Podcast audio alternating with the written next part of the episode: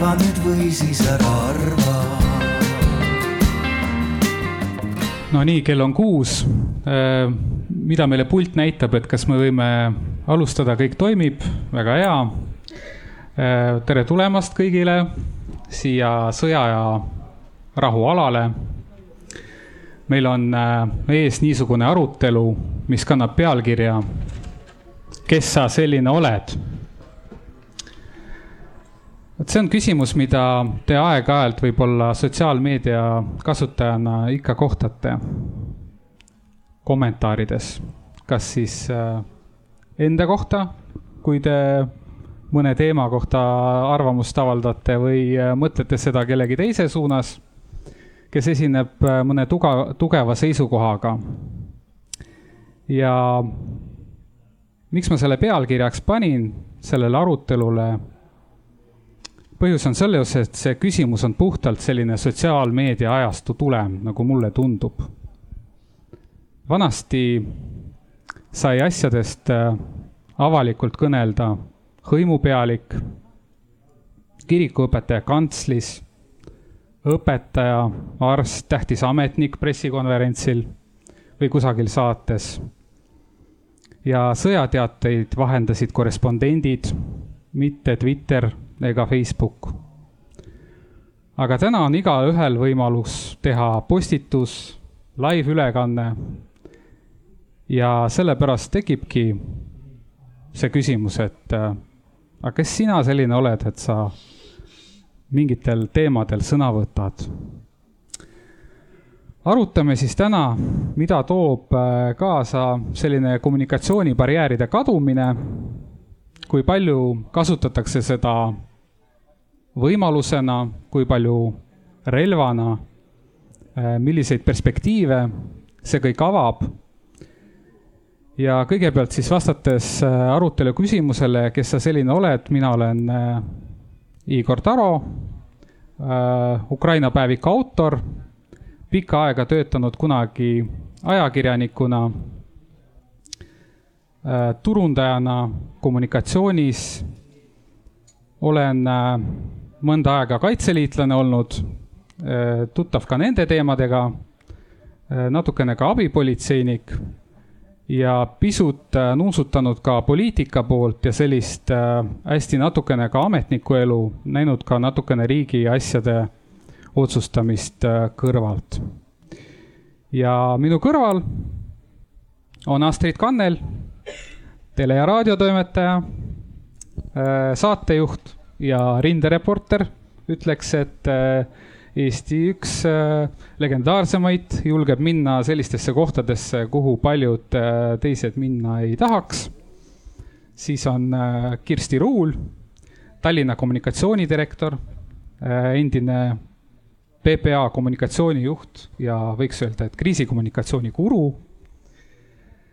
siis on meil Rainer Saks, kelle kohta tänapäeval öeldakse kuidagi niimoodi mahedalt julgeolekuekspert. aga Rainer on äh, ju meil olnud presidendi kantselei direktor ja teabeameti juht, et äh, teab igasuguseid asju. ja meil on ka Peeter Tali, kolonel reservis ütleks, et ajakirjandustaustaga sõjaart.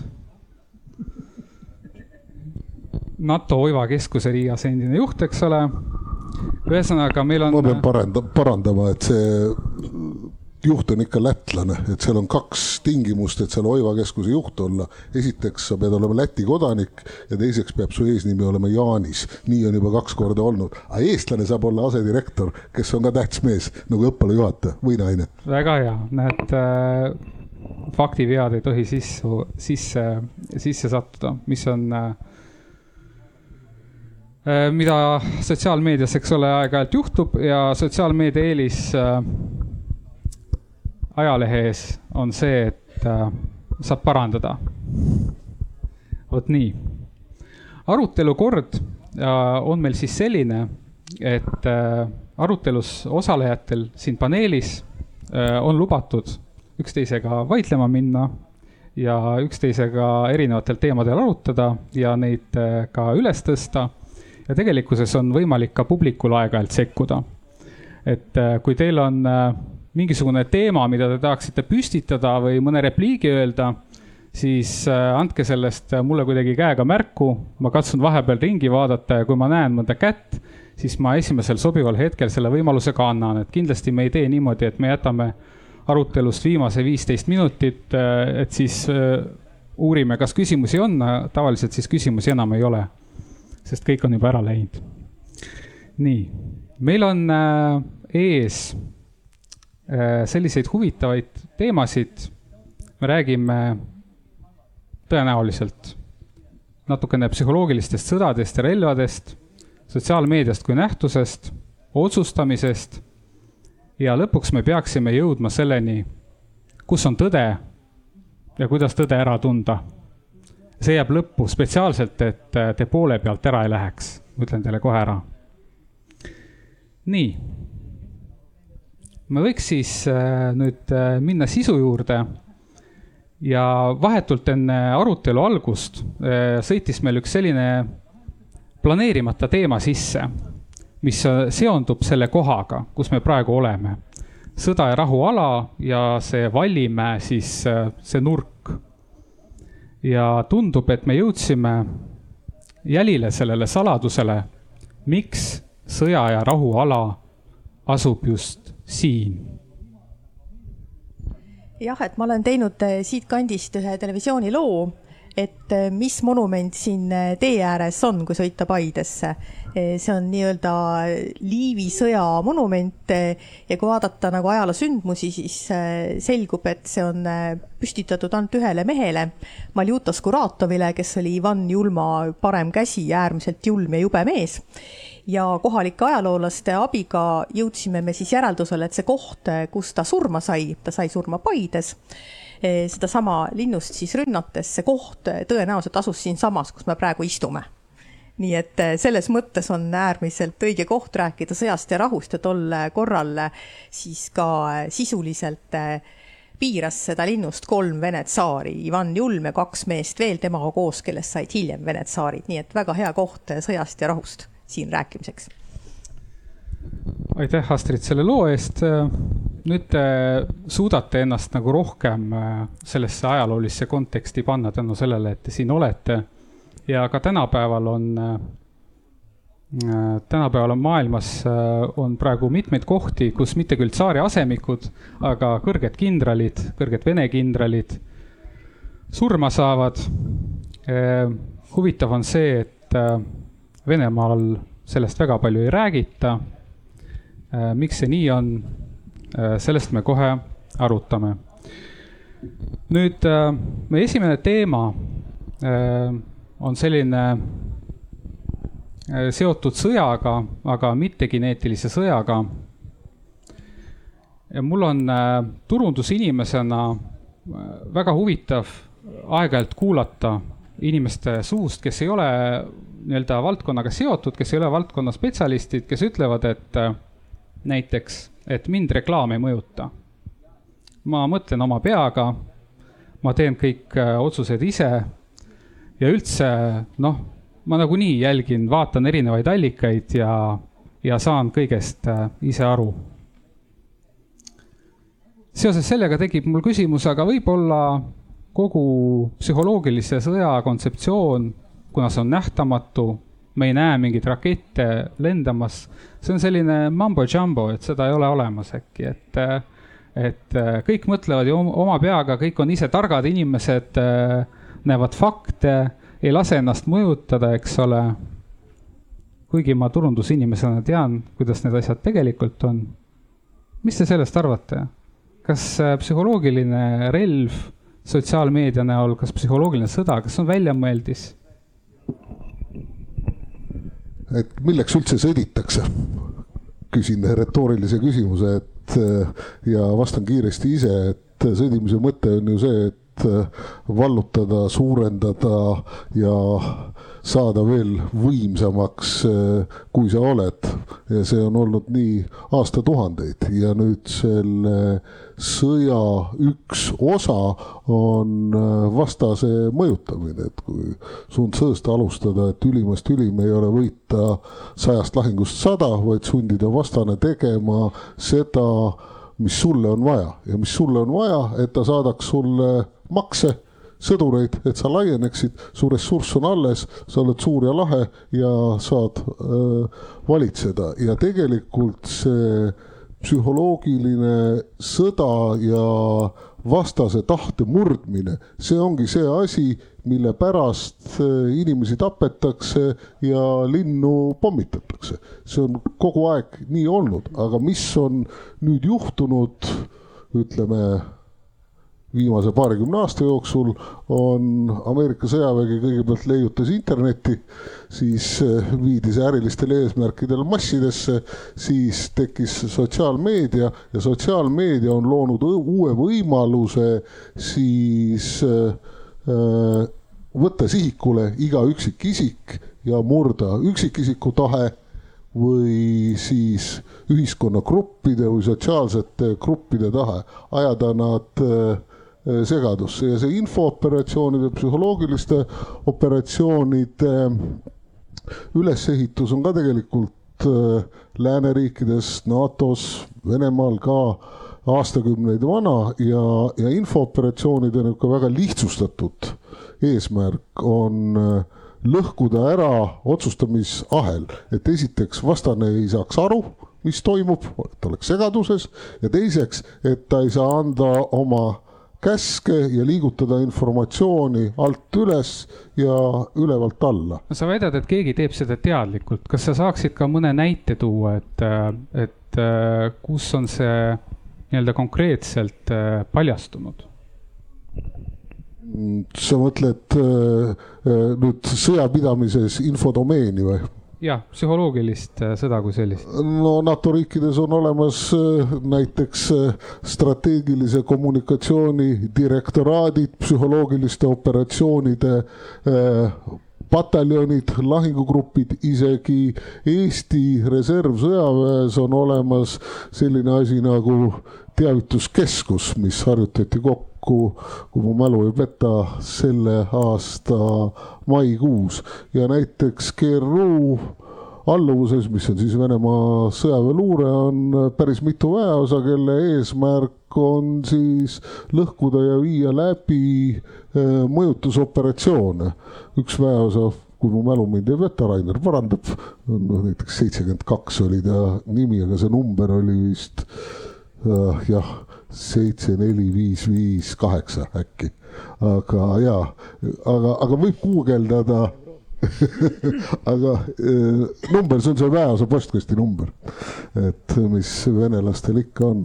ja kui rääkida nüüd, ma lõpetan nagu sissejuhatava asja kohe ära, ma vaatan, et sa, Igor, oled kannatamatu, et, et on lahinguruumid, et sõja, sõjaväelased arma-, isegi, isegi reservsõjaväelased armastavad kõike lihtsustada. et on lahinguruumid, et Sun Tzu'st äh, kakskümmend viis sajandit tagasi põhimõtteliselt maasõda, siis meresõda äh, põhimõtteliselt äh, teise maailmasõja ajal sai määravaks või väga oluliseks õhusõda, siis kaks tuhat seitse pärast alates kahe tuhande seitsmendast algas areng ja NATO defineeris lahinguruumina küberruumi ja nüüd mõni aasta tagasi lahutati õhuruumist kosmoseruum.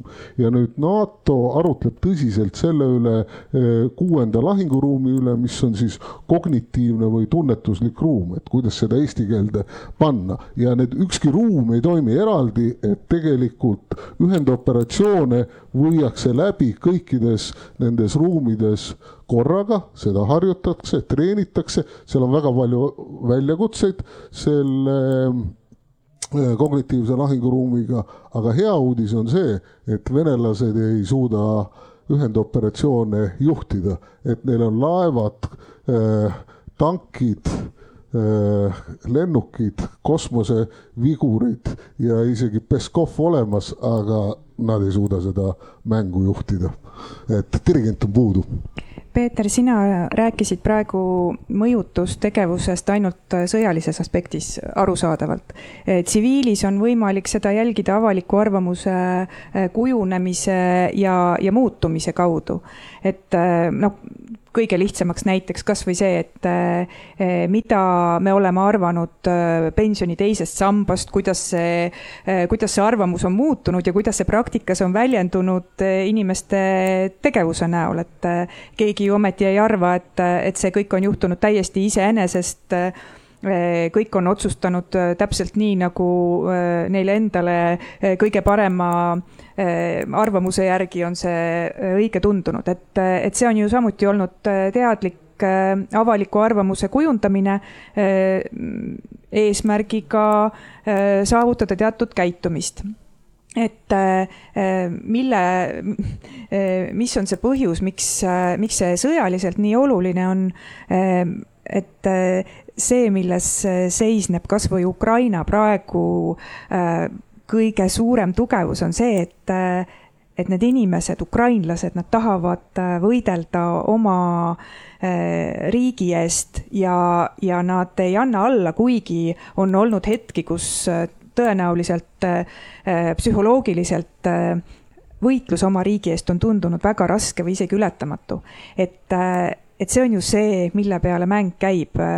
loomulikult vastane oleks tahtnud neid moraalselt murda, aga see ei ole olnud võimalik, sellepärast et, et ukrainlased on olnud nii tugevad ja see ei ole sündinud ka iseenesest. see, see on olnud ka ähm, sellise kaitsetahte äh, kujundamise küsimus ma, kui lubate, siis ma läheks võib-olla natuke veel üldisemaks, sinu sissejuhatav küsimus oli see, et, et miks seda tehakse või kuidas see toimib et kas see on butafooria või see on päriselt olemas. ja loomulikult midagi, mida inimene tee, ei tee ise, seda ei ole olemas, aga üldiselt ikkagi see psühholoogiline mõjutustegevus, nimetame siis seda niimoodi, kui me räägime mõjutustegevusest, siis äh, seda harrastab iga inimene individuaalsel tasandil, üritab ennast väljendada, selgitada. ja põhjus, miks nagu see toimib nagu niisuguses ka grupiviisilisel sihtmärgil on see, et, et inimene oma olemuselt omab emotsioone tähendab, inimene ei ole niisugune külm, stabiilne tükk, mis nagu toimib ainult mingisuguse äh, maatriksi järgi või, või mingi algoritmi järgi, vaid tal on tunded äh,, emotsioonid, kõik see ja inimene on spekulatiivne. et see, mida ta üks päev hindab heaks, võib ta järgmine päev hinnata halvaks. Ja, ja seda kõike on võimalik seega mõjutada sellepärast et inimene langetab neid otsuseid mingisuguse kogemuse ja informatsiooni baasil, mida ta saab väljaspoolt. ja vot temale pakutakse nüüd siis nagu midagi, mis siis nagu hakkab teda kuhugi suunda võib-olla siis suunama. aga ma rõhutan veel kord, et, et seda, see toimib niivõrd igapäevaselt ja igal tasandil, et seda ei saa liigitada ühemõtteliselt halvaks või heaks. halb on see, kui tavaliselt hakkab siis nagu keegi oma ideoloogiat või mingisugust äh, niisugust suuremat narratiivi peale suruma ja seda siis nii-öelda natukene ka siis võib-olla vägivaldsel moel, üritades siis nii-öelda kaotada siis nagu sellise teise sootsiumi siis kas vastupanuvõimet millegi suhtes või siis, või muuta ta vastuvõtlikuks mingi, mingile uuele mõtteviisile või käitumisviisile kui ma vaatan seda, mis toimub sotsiaalmeedias, siis äh, ma näen, et äh, seal on tekkinud suured kõlakojad sa kasutasid väljendit, et noh, mõtle oma peaga. See on väljend, mida ma olen õppinud tõesti kartma. sellepärast, et kui vaadata neid erinevaid kõlakodasid, siis nad kujunevad selliseks, et on suur iidol millegipärast olukorras, kus on demokraatia ja kõik peaks saama midagi öelda, tekivad tegelikult iidolid ja siis tekivad nende järgijad kes minu meelest enam üldse midagi ei mõtle ise ja kes siis ütleme, kui keegi julgeb midagi kritiseerida, siis, siis enamasti see vastuargument või seltskonnast väljatõrjumise sõnastus on siis see, et mõtle oma peaga, sellepärast et vaata, kui sa mõtleks oma peaga, siis sa saad aru, et meie suurel juhil on õigus. et hästi kummaline on see, et, et tekivad sellised inimrühmad, kes just nimelt lõpetavad mõtlemise ja, ja seetõttu mulle tundub, et võib-olla see sotsiaalmeedia otseselt ei peagi nägema väga palju vaeva selleks, et, et mingisuguseid inimesi eraldi äh, sundida mingit moodi mõtlema, vaid ta peab äh, mingite iidolite abil kokku korjama need inimgrupid, äh, kes siis saavadki kuulata seda juttu, mida nad tegelikult kogu aeg ongi tahtnud kuulda. Ja vot siis selliste gruppide kaudu on võimalik siis noh, nende, nende peade sisse valada ükskõik mida, et nad on nagu tühjad ämbrid ja see on üks äh, kummaline äh, nähtus, mida ma olen kogenud äh, oma enam kui kahekümne aasta ajakirjanikuks olemise jooksul, et ka minu sõprade seas, kes võivad olla kõrgharidusega ja väga äh, väga hästi ennast üles töötanud enda erialal, nii et kindlasti ei saa rääkida inimestega, noh, kes on rumalad, eh, inimestest, kes on rumalad. ja kui nad siis juhtuvad olema välispoliitika huvilised, siis nad alati tahavad minuga vaielda. Eh, tõstavad mingi teema üles ja nad on mingites nüanssides palju rohkem informeeritud kui mina. aga kuna nad ei ole lugenud seda kõike ja nad on lugenud kümme korda rohkem kui mina välispoliitikast mingisuguse normaalse süsteemi alusel, ehkki nad on süsteemsed inimesed, seda sunnib nende enda elukutse, siis nad on jõudnud täiesti valedele järeldustele ja, ja, ja nende inimestega vaidlemine on äärmiselt keeruline, sellepärast et näha on, et see tee, kus nad on hakanud juba nagu valesti astuma või liikuma, on kusagil väga kaugel, nad on teinud mingid äh, väga valed valikud juba, juba ammu. ja, ja miks see juhtub ja kuidas see juhtub ja kuidas see juhtub tarkade inimestega ja kuidas nad on sedasi bambusesse jõudnud. ma olen selle üle nagu väga palju mõelnud ja olnud mures ja olnud kurb, et see nii läheb.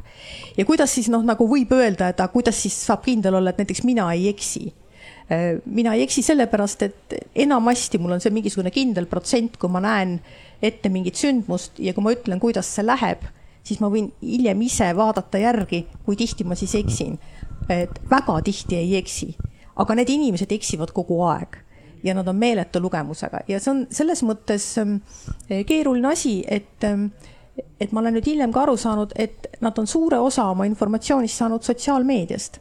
Nad teavad faktiliselt asju õigesti, mis kuskil sündinud on, aga, aga need hinnangud on no, no praktiliselt kõik sellised valed. Ja, ja, ja noh, ja selles mõttes see mõtle oma peaga on väga hirmutav väljend. No nüüd me läheme juba natukene sellesse tõe leidmise teemasse sisse, mis meil pidi nagu lõpupoole jääma, me kindlasti tuleme siia tagasi. kas Astrid, kui sa, äh, kui sa lähed nagu füüsiliselt, noh, ütleme, et peaaegu nagu rindele, kas äh, sina tunned, et sina oled ka mingisuguse psühholoogilise sõja nii-öelda osa, et, et sa oled mingisugune relv või, või sõdur seal eesliinil? minu töö on selles mõttes väga lihtne, et ähm, mina lähen koha peale, et kui nüüd küsida, kes, kes ma selline olen, siis mina olen äh, see, kes läheb koha peale ja vaatab, äh, kuidas see asi seal välja näeb. Äh, see võib näha välja täitsa teistmoodi, kui ma ise arvasin. see võib näha välja teistmoodi, kui lootis näiteks minu toimetus või minu toimetuse juht, kes näiteks ütleb, et ta teab väga hästi, Astrid, näed, seal on ju sellised probleemid, mine sinna, sa leiad need sealt. ma lähen ja ma ei leia sealt midagi sellist et selles mõttes äh, noh, elame niivõrd vabas ühiskonnas, et ma ei ole kunagi pidanud äh, midagi salgama või valetama. et nii nagu on, nii on ja tihti see ei meeldi ka publikule, mis ma räägin. aga, aga et selles mõttes on minu roll täitsa teistsugune kui sotsiaalmeedial ja seetõttu ma arvan ka, et mitte kunagi ei kao ära selline nii-öelda mainstream meedia meie vastutame selle eest, mis me räägime. et kui eh, me oleme eksinud, siis tegelikult tuleb meil seda tunnistada. ja kui meil on mingi allikas, siis me ütleme, kust me selle oleme võtnud. sotsiaalmeedias sa sellist asja siiski väga tihti ei näe. samas me teeme ka koostööd sotsiaalmeediaga, aga sel juhul me oleme selle kontrollinud, selle fakti. Äh, no kuidas üldse võiks mõõta äh, psühholoogilise sõja edukust või mõju. et äh, see Kirsti toodud näide äh, Ukraina kohta äh, kohe läks mulle väga hinge, no juba sellepärast, et ma Ukraina teemadega igapäevaselt, igaõhtuselt tegelen. ja ma arvan, et just eile oli äkki see jutuks, eile või üleeile, Ukraina presidendi administratsiooni nõuniku Aleksei Arestovitši poolt, kes on üks äh, kuulus esineja seal, kah peab igapäevaselt oma jutlusi, kes ütles seda, et äh, kahekümne neljanda veebruari õhtul oli tal täiesti kindel tunne, et nad saavad lüüa sõjaliselt. et, et Kiiev võetakse ära, et tal oli selline noh, selline kuidas öelda, selline, no vähemalt nii ta ütleb, aga et äh, käsi, et nad ei visanud käsi rüppe, eks ole, ta väitis, noh, ta kirjeldas väga meelu, meeleolukalt ja ilmekalt, kuidas ta äh, varastas kusagilt äh, granaadiheitja selleks, et, et viimasel hetkel presidendi administratsiooni ees tänaval lasta puruks mingisugune tank või soomuk, mis sinna peaks ilmuma, sest nad ootasid, et see kohe-kohe võib juhtuda. aga kogu selle jutu valguses, eks ole, seda päris murdepunkti ei toimunud, ehk siis äh, et äh, ta väidab, et äh, tal oli selline veendumus, et asjad on väga halvad. aga asjad siiski ei arenenud väga halvaks ja samasugune näide on mul äh, Gruusia sõjast kaks tuhat kaheksa. Mm, kus noh, kus ma olin, ütleme füüsiliselt koha peal ja kus noh, see sõjategevus toimus ju sisuliselt, ütleme, see aktiivne sõjategevus mida me teame selle äh, Vene-Gruusia sõja all, oli umbes neli päeva, eks ole, kusagil seal noh, seitsmenda augusti õhtust või ütleme, see, see seitsmest kaheksast kuni kaksteist. Ja ma arvan, et üheksanda augusti õhtul oli, oli see veendumus, ma pärast kuulsin väga usaldusväärsetest allikatest, oli veendumus äh, Gruusia peastaabis, et nende jaoks on kõik läbi.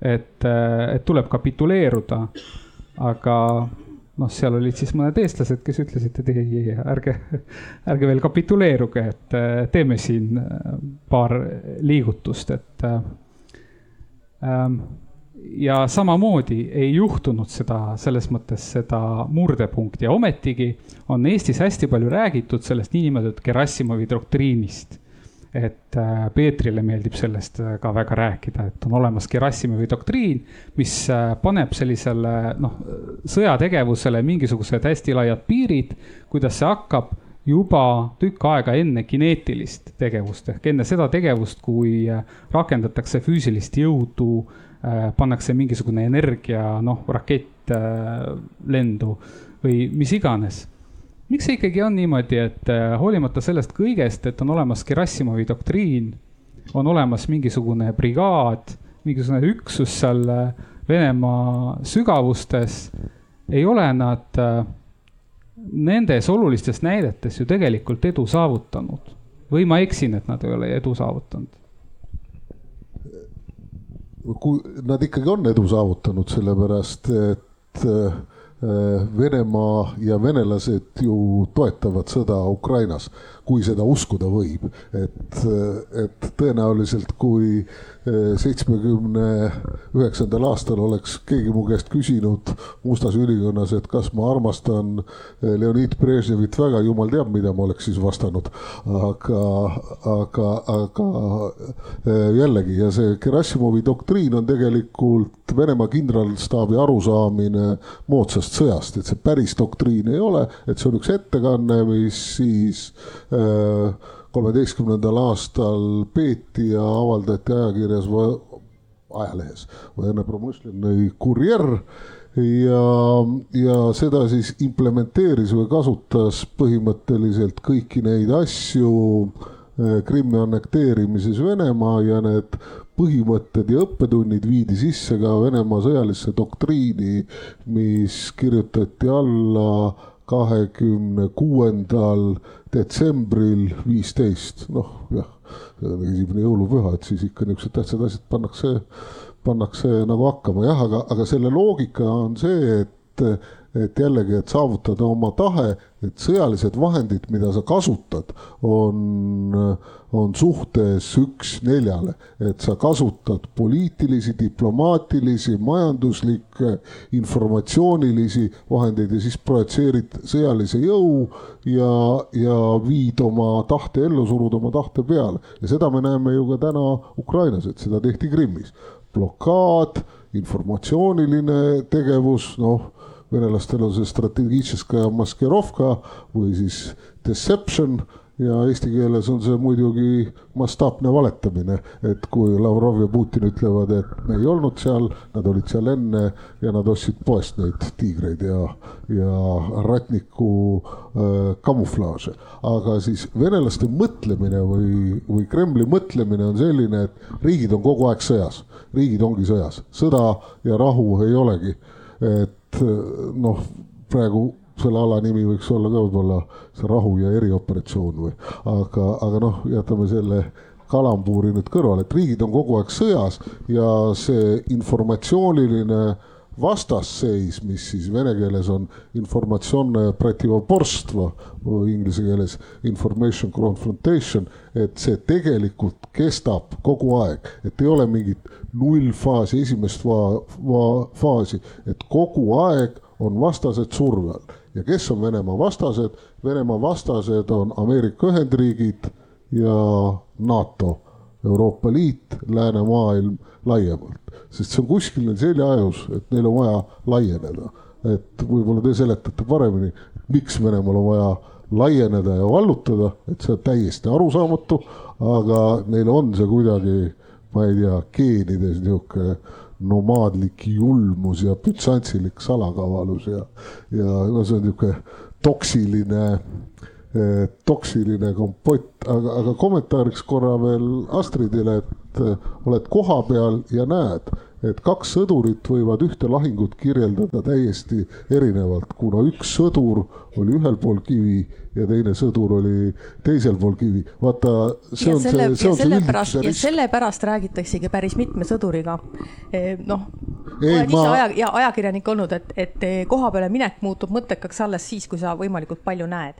ja siis tuleb ei- endale ka aru anda, et see on see, mida mina nägin selles situatsioonis. sellega ma olen täiesti nõus, et parem on käia ükskord koha peal, kui äh, lugeda mitu raamatut äh, läbi ja kujutada ette, et mis tunne on astuda oma kangelase saabastesse, aga jälle taktikalisel tasemel ei, sa ei pruugi näha suurt pilti, sellepärast et sa näed väga kitsast asja ma olen sinuga absoluutselt nõus, selleks tuleb hästi palju käia ja, ja vaadata nii eemalt kui lähedalt. ameeriklased, kes ähm, äh, kuna esimene telesõda või noh, ütleme põhimõtteliselt Vietnami sõja kaotasid suures osas ühiskondliku arvamuse tõttu, kuna siis televisioon tõi need pildid sealt koju ja siis nad mõtlesid välja uue äh, taktika ajakirjanike liidendamise üksustega, mida nad kasutasid lahesõjas. ja siis ajakirjanik oli üksuse juures, ta samastus üksusega ja rääkis üksuse kangelaslugu ja vaat ma olen üritanud seda vältida. minu, minu ideaaljuhtum on see, et ma lähen eh, kõigepealt eh, ukrainlaste poole peale, siis venelaste poole, see oleks kõik kõige ideaalsem. Et ära alahinda ajakirjanikku, Ei, ei- ajakirjanik ma vaatab ei- mõlemat kõrvalt. ma- räägin, ma räägin, mida ma, ma räägin, mida Jaa. ameeriklased Jaa. tegid. aga sa kasutasid väga head väljendit, telesõda. ma tahtsin just lihtsalt lühidalt öelda vahele, et me räägime siin sotsiaalmeediast, aga me räägime praegu nagu sellest, mis toimub Ukrainas, siis see on tõepoolest juba inimestele ette valmistatud väga põhjalikult pikema aja jooksul. ja selleks on eelkõige kasutatud hoopis televisiooni, kuna mõjutatud on eelkõige vanem põlvkond ja ka noorem, aga eelkõige just vanem, kes vaatavad televisiooni, kuigi telekat vaatavad isegi noored veel Venemaal. Ja me ei ole vaadanud lihtsalt, sest see on, see ei ole vaatamiskõlblik materjal, aga see on kestnud aastaid, kus lihtsalt saade saate otsa, ükskõik mis kanalil, on ukrainlaste sõimamine. ma kasutaksin lausa väljendit sõimamine. Need on jutusaated. Demoniseerimine kus, kus on kuus või seitse inimest räägivad vene poole pealt ja siis on leitud üks inimene, kes räägib Ukraina poole pealt, tal ei lasta suudki lahti teha, teda lihtsalt lakkamatult sõimatakse ja me lihtsalt ei kujuta ette, et televisioonis on selline asi võimalik. ja miks selline asi on võimalik?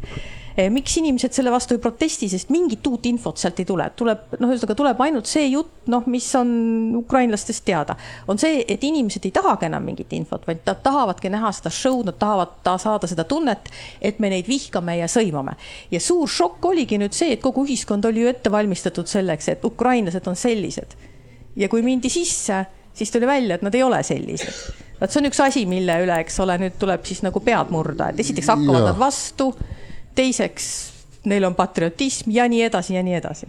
no tõenäoliselt see, millest sa praegu rääkisid, see ongi üks äh, näide sellisest äh, noh, edukast äh, psühholoogilisest sõjast. küsimus on lihtsalt äh, selles kanalis, ma arvan, et äh, võib-olla üks äh, kõige äh, sellisem äh, markantsem näide äh, Venemaa sellisest strateegilisest äh, psühholoogilise sõja saavutusest oli see, et äh, enne kahekümne neljandat veebruari äh, käsitleti teda kui äh, väga sellist äh, äh, tugevat äh, ja noh, võib-olla isegi, et võitmatut sõjalist jõudu.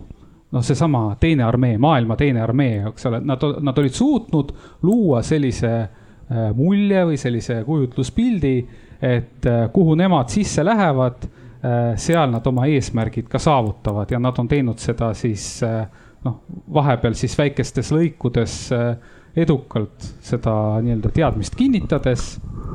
aga reaalne elu äh, pani asjad ikkagi ju teistmoodi paika ja selles samas äh, nii-öelda sotsiaalmeedia kasutada, äh, kasutamises äh, sellise psühholoogilise relvana on olemas Ukraina sõjast ka koomilisi näiteid. kui teile tuleb selline asi meelde nagu Kadõrovi säutsuväed, et panin neile kunagi sellise nime oma päevikus, kui seal teatud staadiumites, see oli vast märtsi, märtsikuus, võib-olla seal ütleme kevadel Kiievi all ja, ja Mariupoli kandis kui noh, meeletult tulistati igasuguseid säutsusid, kus Kadõrov väidetavalt käis kusagil rindel, jagas seal mingisuguseid käske, lubas, et kuue päeva, noh, viimati ta veel lubas juulis, ma arvan, et kuue päeva pärast on Poola ära võetud Äh, aga pärast, äh, pärast väikest järelkontrolli selgus, et äh, ega ka Kadõrov ega tema nutitelefon ei ole Groznõist välja käinud. ehk olid ka sellised koomilised näited. Nii, aga ma näen, et tegelikkuses Kirsti ja Rainer on kibelenud vahele rääkima just. Ma oponeeriksin väidetega, et, et Venemaa infosõda on olnud Ukraina kontekstis edukas või no kui kriteeriumiks võtta see, et edukas on sõda olnud oma rahva vastu, sellepärast et, et Venemaa inimesed arvavad selliseid asju, mida, mis tegelikult ei eksisteeri, siis, siis võib olla tõesti edukas. aga kui me ikkagi vaatame seda, et väljastpoolt vaataja pilguga kelle poolt inimesed on, kas nad on Ukraina poolt või on äh, Venemaa poolt või, või äh, keda on lihtsam toetada, siis äh, nii Euroopa kui ka Ameerika puhul me näeme seda, et on, on lihtne toetada Ukrainat hea küll, see, mis, mis Aasias ja Aafrikas toimub, see on, see on äh, ilmselt teistmoodi ja me, me ei näe nagu sellist pilti sellisel viisil. aga äh,, aga see, mis on Ukrainat eristanud Äh, ilmselt Venemaa sellest infosõjast ja juhtimisest on see, et see ei ole sellisel viisil tsentraliseeritud. et, et see, mida me näeme sotsiaalmeedias Ukraina poolt tulemas, neid pilte, seda, mida jagatakse, seda, mis toimub, see on hästi laiapindne. et selleks ei ole nagu selliseid ähm, ainult keskseid üksusi, kes siis käivad aktiivselt tootmas propagandamaterjali et eh, see, mida Ukraina teeb, ta kasutab eh, inimeste eh, jagatud või to, mitte siis toodetud, vaid jäädvustatud materjali ja võimendab seda ka keskselt, mm, mida, mida inimesed näevad ja mis tegelikult toimub. see tähendab seda, et, et kuna sotsiaalmeedia on platvorm, kus, kus jagatakse emotsioone, kus ka otsitakse emotsioone, siis, siis meil on lihtsam samastuda nende emotsioonidega, mida Ukraina jagab. Et ma tegelikult ütleks ka niimoodi, et, et see Gerassimi doktriin, millest äh, Peeter rääkis, et see kõik on väga õige. aga kummalisel kombel nüüd Ukrainas Venemaa ise eiras kategooriliselt seda, täielikult seda, mida see Gerassimi doktriin ette näeb. ja Gerassimi doktriini üks põhimõte, väga suur põhimõte on see, et vältida pikaajalist sõjalist konflikti et Venemaa ei tohi sattuda pikaajalisse sõjalisse konflikti ja olla selle, selle kaudu seotud. Eh, seda esiteks, et kui sõjaline jõud üldse kasutusele võtta, siis viimases hädas ja väga lühikeses episoodis, et siis kinnistada oma selline noh, niimoodi kiire üleolek ja saavutada kohe fikseerida mingisuguste rahvusvaheliste lepingutega. see on nagu üks element, teine element on see, et Gerassimi doktriin ütleb otse, et kui, kui sa ei ole saavutanud informatsioonilist ülekaalu oma vastase suhtes, siis ei tohi üldse sõjalist jõudu kasutusele võtta. ja Venemaa nüüd seda punkti nagu e-, ignoreeris, eiras täielikult, ma ei hakka üldse rääkima sellest, et, et, et see olukorra hinnang oli täiesti vale, et see, kuidas nad hindasid Ukrainat ja ukrainlasi ja Ukraina rahvust ja see on veel omaette küsimus. just ma tahtsingi tegelikult see ei ole isegi selle mainida, see oli just strateegiline valearvestus, see ei olnud ju teadlik nende aga, poolt. see oli nagu tegelikult... ise, see oli iseendale valetamine, mis on eriti valus. hakkasid ise oma valesid uskuma, valetasid ja varastasid. siin nagu ongi ikka. nagu selle psühholoogilise mõjutustegevuse üks lõks et kui sa hakkad mingit vale narratiivi levitama, isegi täiesti teadlikult, mingil hetkel sa korjad ka ise selle narratiivi üles, hakkad sellesse uskuma. ja tegelikult ikkagi valed asjad naljalt väga pikalt püsti ei seisa, võivad kesta, noh, Nõukogude Liit kestis seitsekümmend aastat. aga vajus kokku just sel hetkel, kui kõik arvasid, et ta kestab veel väga pikalt, et nüüd reformitakse. tegelikult läks, läks, kukkus kokku ja sama on Venemaaga, et, et need on niisugused väga riskantsed ettevõtmised, et kui me oleme siin rääkinud ameeriklastest, siis Ameerika näitab, et demokraatliku süsteemi tugevus peitub ühes asjas, on see, et võim uuendab ennast. Sa legitimiseerid ennast, sa, see iga valimine annab su võimule legitiimsust juurde. kui valimised on juba fake, siis on selle legitiimsus juba kahtluse all ja me näeme, et Venemaa võimude tegevus ja ka selline PR tegevus on kantud sellest hirmust, nad on ise kantud sellest hirmust, et nende võim ei ole päriselt legitiimne. Nad pelgavad, et see legitiimsus seatakse pidevalt kahtluse alla ja, ja selles mõttes on see väga huvitav moment, et, eh, et pealtnäha on see süsteem väga kindel ja tugev ja kindlalt juhitud ja siis, kui ta kokku kukub, siis kõik ütlevad, et issand jumal, see juhtus nii äkki ootamatult. ja, ja eks ta ongi niimoodi, et seda ette arvestada ei olegi võimalik, noh, ei saa seda inimeste igapäevast käitumist niimoodi kokku arvestada, et võtame see sada nelikümmend miljonit ja teeme siin integraalarvutuse ja saame teada, millal midagi juhtub või siis vaatame, palju on rublakurss ja naftakurss, eks ju, ja siis üritame selle pealt välja arvestada, ei saa niimoodi. aga väga üldiselt võib öelda, et kui on mingisugune väga valedel alustel niisugune suur lugu üles ehitatud ja selle järgi üritatakse kuhugi liikuda, siis ikkagi varem või hiljem leitakse see kõva kivi ja, ja kukutakse ninuli. Aga proovime nüüd sõjaajast äh, vaadata natukene ka sellist rahuaega, et äh, kuna ala nimi on juba selline erioperatsioon ja rahu, eks ole, et äh, mõtleme siis nagu rahuaega ka. noh, Eestil on ka mõned olnud sellised episoodid ja noh, üks on päris aktuaalne küll kaudselt, eks ole, mõlemad on sõjaga seotud teatud mälestusmärkidega Äh, tugevate sümbolitega, eks ole, Narva tank, äh, pronkssõdur. Äh, sellised sündmused, mis justkui nagu mingil hetkel tundus, et nagu kuidagi hakkasid nagu kas nagu väljusid kontrolli alt ja on nagu palju kriitikat tehtud, et miks Eesti riik ei ole, ma ei tea, kuidagi siis ennast nagu varem kehtestanud või oma agendat või siis tõesti äh, Äh, kasutanud mingisugust psühholoogilist kaitset, et äh, mis on nüüd äh, sellise demokraatliku riigi võimalused, üks on see Venemaa näide, riik, kus ju vaba meediat sisuliselt ei ole juba ammu, kus on ainult inforelv, eks ole. Ja Eesti, et kas Eesti-suguses riigis on võimalik ka kuidagi sarnaseid vahendeid rakendada oma kodanike suhtes. ma vaatan Kirsti poole, kuna noh, sa oled selle nii-öelda selle valdkonna inimene, ka kriisikommunikatsiooniga kokku puutunud, eks ole, politsei, piirivalveametis eh, sellise sisejulgeoleku mõttes, et kas on siis võimalik teha, ma ei tea, ennetustööd või mingisugust rahuaegset sellist erioperatsiooni? Eesti Vabariik on demokraatlik riik ja siin ei saa teha eh, informatsioonilisi erioperatsioone oma inimeste vastu.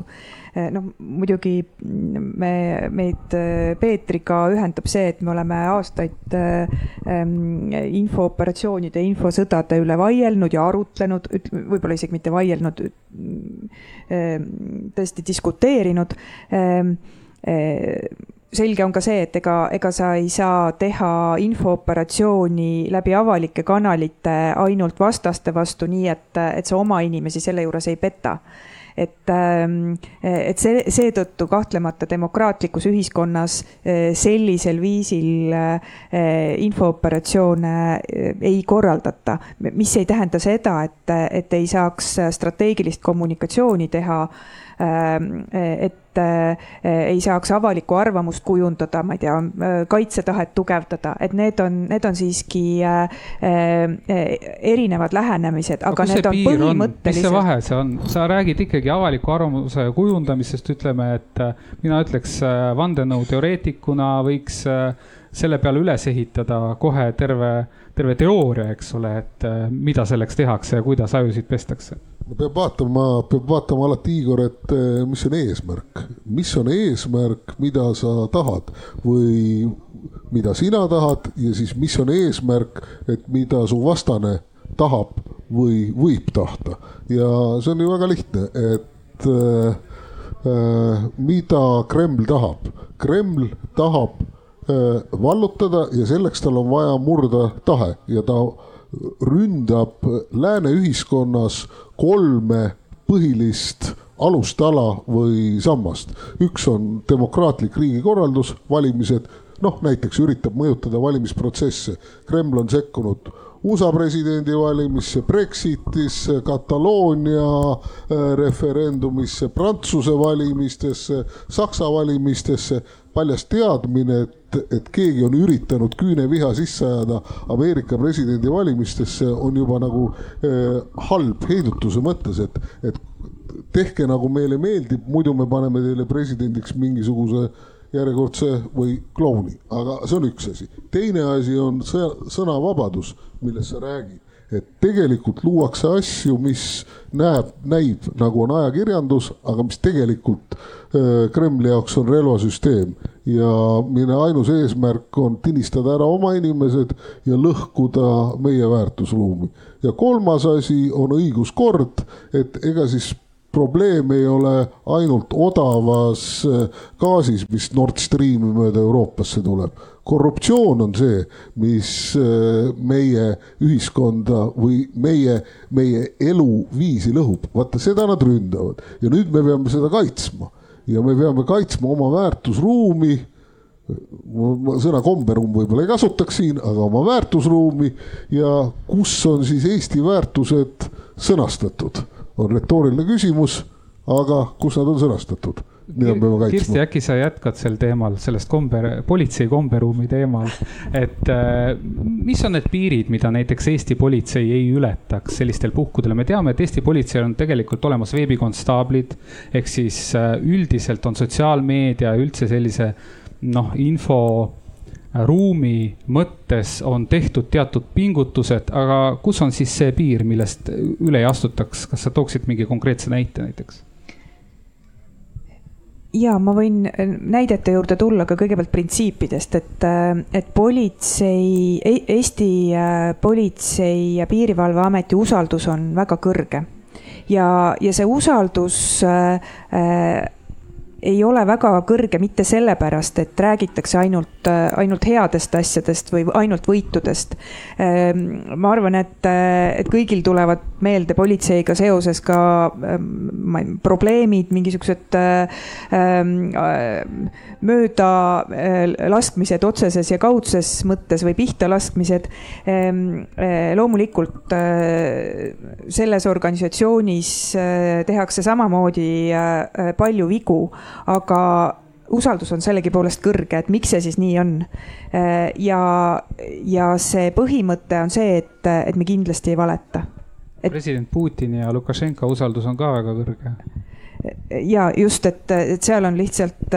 mitte Eestis mitte Eestis just, et, et seal on küsimus selles, et, et kas on, kas on päris tulemused või ei ole päris tulemused ja eh, demokraatia põhinebki usaldusel, et kui usaldust ei ole, siis, eh, ehm, siis eh, kaovad ära tegelikult need demokraatlikud hoovad, et ehm, inimesed enam ei, ei usalda neile antud, ma ei tea, soovitusi, informatsiooni ega, ega usalda ka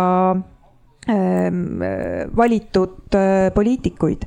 et, et see piir ongi see, et et äh, sa ei pea rääkima kõike mida sa tead ja sa ei, sa ei saagi tegelikult rääkida kõike. sa pead valima relevantse, mida rääkida, aga sa ei tohi mitte kunagi valetada. sellepärast, et kui sa kaotad usalduse, siis varsti ei kuula sind enam mitte keegi, sa võid ükskõik mida rääkida. ja, ja erinevate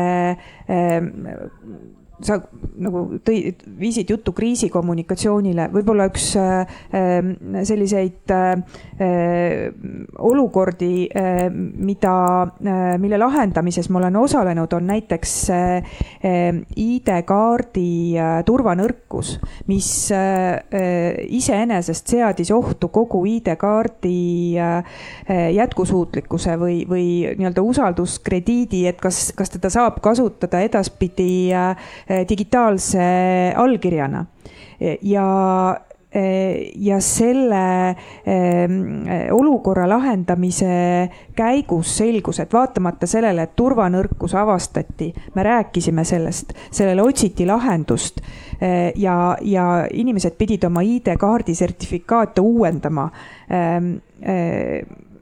tegelikult kogu selle perioodi vält-, andmetel eh, nii-öelda need allkirjad, mida anti, see hulk ei vähenenud, nii-öelda eh, ID-kaardi kasutus ei vähenenud. et, et see tundub täiesti ootamatu, et mis mõttes, et, et just on turvanõrkus eh, avastatud, et esimene instinkt oleks seda varjata, et, et mitte, mitte inimesi hirmutada ära, aga, aga see oli täiesti välistatud. aga samas on grupp inimesi, kes kogu aeg väidavad seda, et ID-kaardi abil tehtud valimised ei ole nagu usaldusväärsed, nii usaldusväärsed kui pabervalimised eks ole. et see, see on üks nagu näide, et kus äh, üritatakse seda õõnestada. Ja. tuleb küsida, et kellele see kasulik on. just. mitte ainult, aga tegelikult peab ka arvestama sellega, et, et mõned inimesed lihtsalt ja demokraatlikus ühiskonnas ongi nii, et mõned inimesed arvavad lihtsalt teistmoodi. ja, ja selles mõttes nüüd see viga hakkaks peale see, sellest hetkest, kui neid inimesi hakatakse nii-öelda ühiskonnast elimineerima, maha vaikima või, või sellest nagu info käsitlusest välja suruma või siis nagu tõesti hakatakse neid ka lihtsalt demoniseerima, kuigi noh, siin on tõesti nendel inimestel võib-olla väga erinevad motiivid. ja sellisel juhul tuleb lihtsalt nagu selgeks teha, et miks need inimesed niimoodi arvavad ja mis selle taga siis tegelikult on, tõepoolest, seda on kasulik teada. aga ükski riigiasutus ei saa endale lubada seda, et ta hakkab sellist infoopsi tegema ja, ja neid äh, gruppe siis nagu kuidagi, ma ei tea siis nagu mõjutama nagu sellisel kujul. et vot see on nagu üks põhimõte, mis eristabki nagu seda, seda Eesti põhiseaduslikku korda nagu sellest, mis, mis võib-olla praegu on seal Venemaal või, või Valgevenes või mõnes teiseski riigis, mida on siin näiteks toodud. ja, ja see põhimõte jah, et ei tohi valetada, see see kehtib nagu raudselt üle kogu avaliku teenistuse, nii et noh, see ongi see, mis tagab selle riigi usaldusväärsuse. ega NATO psühholoogiliste operatsioonide doktriin ütleb ka, et valetada ei tohi. et äh, siis sa saavutad oma eesmärgi paremini. me hakkame jõudma nagu järgmiselt, juba vaikselt me hakkame jah jõudma selle tõe poole ja üks äh, teema, mida on servapidi hakatud puudutama, äh, me oleme hästi palju rääkinud sellest kuidas mõjutatakse läbi selle, mida räägitakse, eks ole. aga järjest rohkem tuleb meil selliseid mõttekatkeid eh, ja ka Kirsti jutust tuli vahepeal välja, et on olemas teatud asjad, mis jäetakse rääkimata, eh, mida ei avalikustata mingil hetkel ja kui me, me tegime ka sellele paneelile nii-öelda eelarutelu Teamsis mõned päevad tagasi ja ja Astrid, sa rääkisid meile sellest, et kui sa käid seal rindel, eks ole, äh, oled sellistes äh, noh, kuidas öelda, äh, ohtlikes kohtades, siis on teatud asjad, millest sa ajakirjanikuna ei saa rääkida, mis sa pead jätma kaadri vahele. et see on selles mõttes, ma arvan, et kõigil on väga huvitav kuulda nüüd, mis need asjad on, mida, mida telekast ei näe ja võib-olla sa tooksid ka konkreetselt ka mõne näite, eks ole, et äh, võib-olla millest sa saad nagu kõnelda, mida sa saad kirjeldada, mingit juhtumit, äh, noh, mis enam, eks ole, kellelegi sellist äh, otseselt kahju nagu ei too. Jah, see teema on seotud ka sotsiaalmeediaga, et sõja esimestel päevadel juba, kui mingeid reegleid veel ei olnud kuidagimoodi said ukrainlased ise aru, kuidas nad peavad käituma ja õige pea läbi kõikvõimalike olukordade said ka ajakirjanikud aru, mismoodi nad peavad käituma. et äh, me ei saa näidata sellist materjali, mis on kasulik vastasele vastane vaatab ka ERR-i, vastane vaatab sotsiaalmeediat, vaatab kõike väga hoolega. mis tähendab seda, et kõik strateegilised objektid, no näiteks rongijaamad, sillad, haiglad, neid objekte on palju, neid ei tohi filmida, nende juures ei tohi filmida. või kui, siis kuidagi nii, et ei ole arusaadav, et see on see objekt, sest nad on tegelikult rünnaku sihtmärgid ja see, ütleme, et esimesed valusad tapsud tulid sõja alguses, ukrainlased ise eksisid selle vastu, et nad panid sotsiaalmeediasse asju, mis, mis lõppesid ka raketirünnakuga. ja näiteks, kui ma olen midagi filminud, siis on ka tõesti, inimesed on väga aktiivsed ja emotsionaalsed sõjas. Nad on juurde astunud ja öelnud ära filmi, sest siia tuleb raketirünnak selle peale ja ma mõistan inimeste hirmu. mida üldse ei saa filmida mida ma isegi olen saanud filmida, aga kokkuleppel ja nii, et ei ole aru saada, kus see on, on kõikvõimalikud kontrollpostid, mida on äh, sõjas äh, noh, mida on visuaalselt väga palju näha. Neid on nüüd äh, ütleme Kiievist vähemaks jäänud, nad on lihtsalt jäänud jalgu, ei ole enam vaja olnud, aga et kõik need, kõik need kaevikud, mis on linnade ees kaevatud ja ka linnade sees, neid ei tohi üldse filmida, mingisuguseid sõdureid ilma eriloata ei tohi filmida. kui te näete, ka rindel sõdureid on filmitud kaevikus nii, et see kaevik võib olla ükskõik kus, see relv tema käes ei ütle mitte midagi selle kohta, kus ta täpselt on rindel. et, et eh, see, mida mina näen koha peal, on palju-palju rohkem kui see, mida ma näen telekas, ma näitan telekas. ma pean selle peale väga hoolega mõtlema, mida ma näitan, noh, mitte ainult sellepärast, et ma jään kohe Ukraina sõjaväeloast ilma ja igaveseks, kui ma eksin selle vastu, vaid ka sellepärast, et ma ei taha olla see kasulik idioot, kelle pärast sinna see raketilöök siis tuleb. ja ka see, et kui kusagil on mingisugune Eh, intsident toimunud, ongi olnud raketilöök, siis ma ei näita seda reaalajas kohe, vaid mõned tunnid hiljem, lihtsalt sellepärast, et vastane ei näeks, kuidas tal siis läks. et ma ei ole kunagi varem pidanud töötama noh, sellistes tingimustes, kus need reeglid ei ole tegelikult sõja alguses ei olnud üldse selged, aga sa nagu intuitiivselt ise tajusid seda, mida on tark teha, mida mitte ja mis sulle nagu kohapeal nagu selgitati, kuidas on et eh, palju ägedam näeb, ägedam näeb see kõik välja kui see, mida me näitame. ja huvitav on see, et tõesti ka sotsiaalmeedias inimesed ise on väga distsiplineeritud ja, ja asju, ütleme selliseid kasulikke idioote nagu ei olegi, mis on erakordne, arvestades sellist sotsiaalmeedia laia. aga see on ka, see on ka, see on ka, see on ka töö, et tegelikult ukrainlased on õppinud väga palju, nad on, eh, ma võin öelda, et eh, mingit sajad inimesed ka selle kallal töötavad ja nad seda operatsiooni julgeolekut või siis OPSEC-i jälgivad ikkagi väga tähelepanelikult. ja kui on selline mulje, et kõik tuleb ja näidatakse mingeid asju, siis tegelikult ka videod või roolikud, mis postitatakse, need postitatakse ju nagu sa tead, ajalise viitega. et isegi kohati ju lund sajab või lund sadas, aga tegelikult olid juba äh, lehed väljas. Ja see on seesama põhjus, et säästa inimelusid. Ja tõesti, nagu Astrid rääkis, ka korra juhtus, et kutsuti üles, et kes seal tiktokkerid ja tegelased olid, et äh, palun, et äh, tehke midagi. Ja siis üks tiktokker seal kuskil jalutas, kus oli Ukraina raketiheitjate positsioon ja see lasti põhimõtteliselt kohe puruks. Ja tüüp võeti vangi, ma ei tea, mis tast on saanud, aga tõsiselt arutati, et kas see oli nüüd tööõnnetus või ta tegi seda meelega. et, et, et selles mõttes Ukraina informatsiooniline tegevus on väga hästi juhitud, orkestreeritud ja, ja infosõja nad põhimõtteliselt kahekümne viiendal äh, veebruaril juba nagu võitsid sellega, et nad hakkasid tahak, vastu. ja ma tahaks seda öelda, et mina olen ikkagi imestunud selle üle, et tavainimesed kuidagi saavad aru, kuidas nad peavad käituma, keegi ei jõudnud sõja alguses kedagi orkestreerida sellel teemal ja, ja ausalt öeldes noh, ma, ma ei tunne näiteks, et mind on keegi orkestreerinud. ma olen nat-, kogu aeg selle piiri peal tegelikult käinud, et mitte veel rikkuda reegleid, mitte olla kasulik idioot, aga ikkagi oma vaatajale võimalikult palju näidata. sest kui ma seda ei teeks, siis me näeksime ainult Ukraina sõja propagandat ja see ei ole ka päris see, mida me näha tahaks. ja, aga see on elu ja surma küsimus. siin on tegelikult ka see moment, et Ukraina ühiskond on selleks sõjaks juba valmistunud väga pikki aastaid mitte ainult kaks tuhat neliteist alates, vaid tegelikult juba palju varem. juba esimese Maidani ajal hakkas see vastasseis sellisel kujul kujunema. ja Ukraina ühiskond teab väga hästi, eh, kuhu see asi no teadis, ütleme siis väga hästi, kuhu see asi võib välja jõuda. et selles mõttes nagu psühholoogiliselt Ukraina inimesed otsustasid juba kakskümmend aastat tagasi, et nad hakkavad vastu. ja see on tegelikult selline noh, väga oluline seisund, et mida ei mõistetud ei läänes ega Venemaal. ja, ja näiteks kaks tuhat neliteist tuli väga palju seletada meie lääne kolleegidele, et teate, et te võite siin nagu arvata, mida te soovite, aga ukrainlased hakkavad just ühiskonnana vastu. vot see on asi, mis ei mahu tihtipeale lääne ühiskonnas äh, poliitikutele pähe. et kuidas niimoodi, et nad hakkavad ühiskonnana vastu, et isegi siis, kui noh, nende president ju põgenes riigist. oli põhiseaduslik kriis, me unustame ära, et miks Ukraina vägi nii kohmakalt vastu hakkas kaks tuhat neliteist, sellepärast et kogu käsuliin oli ju maas tähendab, president oli läinud, eh, terved ministrid olid kadunud, eks ju, nii edasi. ja vaadake, isegi sellises olukorras Ukraina ühiskond ikkagi hakkas vastu. ja, ja mina ütleksin niimoodi, et eh, seda ei saa niimoodi kopeerida ja kasutusele võtta igal pool mujal, igal ühiskonnal on omad äh, toimemehhanismid ja, ja see, kuidas see asi käib.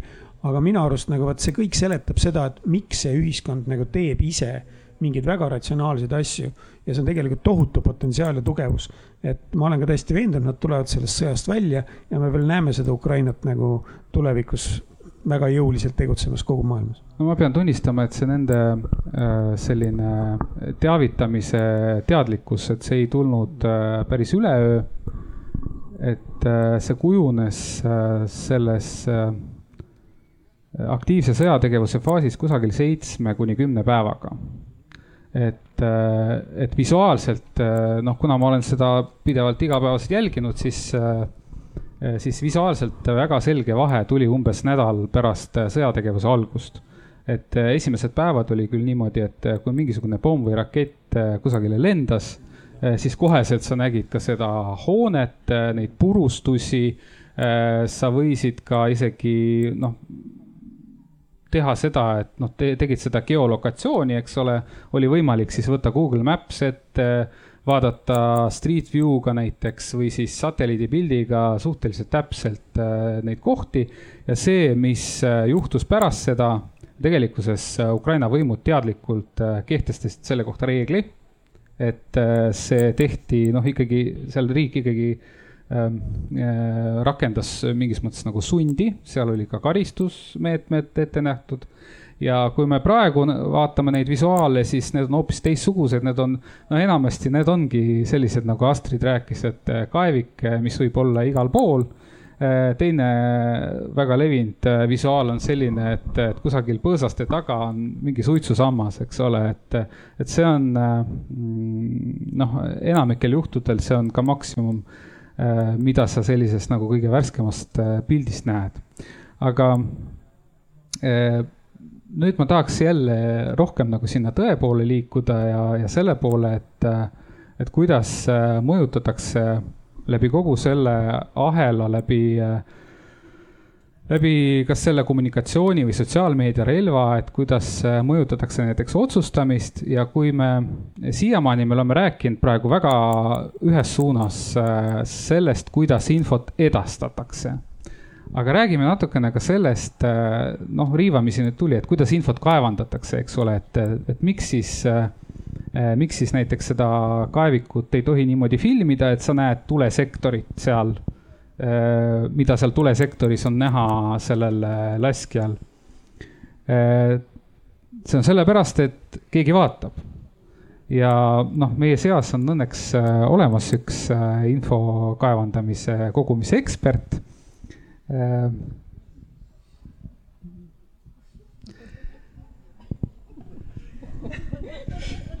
sa, mulle väga meeldib see, kuidas Rainer oskab teha sellist nägu, et tema ei tea midagi. tema oli puu otsas. Ehm, aga äkki sa räägiksid natukene sellest äh, sotsiaalmeedia nagu sotsiaalmeediast, äh, sellisest kui game changer'ist, kui mängumuutjast, äh, sellises äh, valdkonnas nagu on osint, see on siis inglisekeelne lühend. avalike allikate ja, luure. täpselt, avalike allikate luure, open source intelligence, et kui oluline info selline allikas see on tänapäeval? no öeldakse, et osint on kõige kiiremini kasvav äh, luure kogu või noh, luuredistsipliin. ja tegelikult äh, ta on kogu aeg olemas olnud, sest ega sotsiaalmeedia pole see noh, koht, kust ainult saab seda avalikku allikat äh, informatsiooni hankida.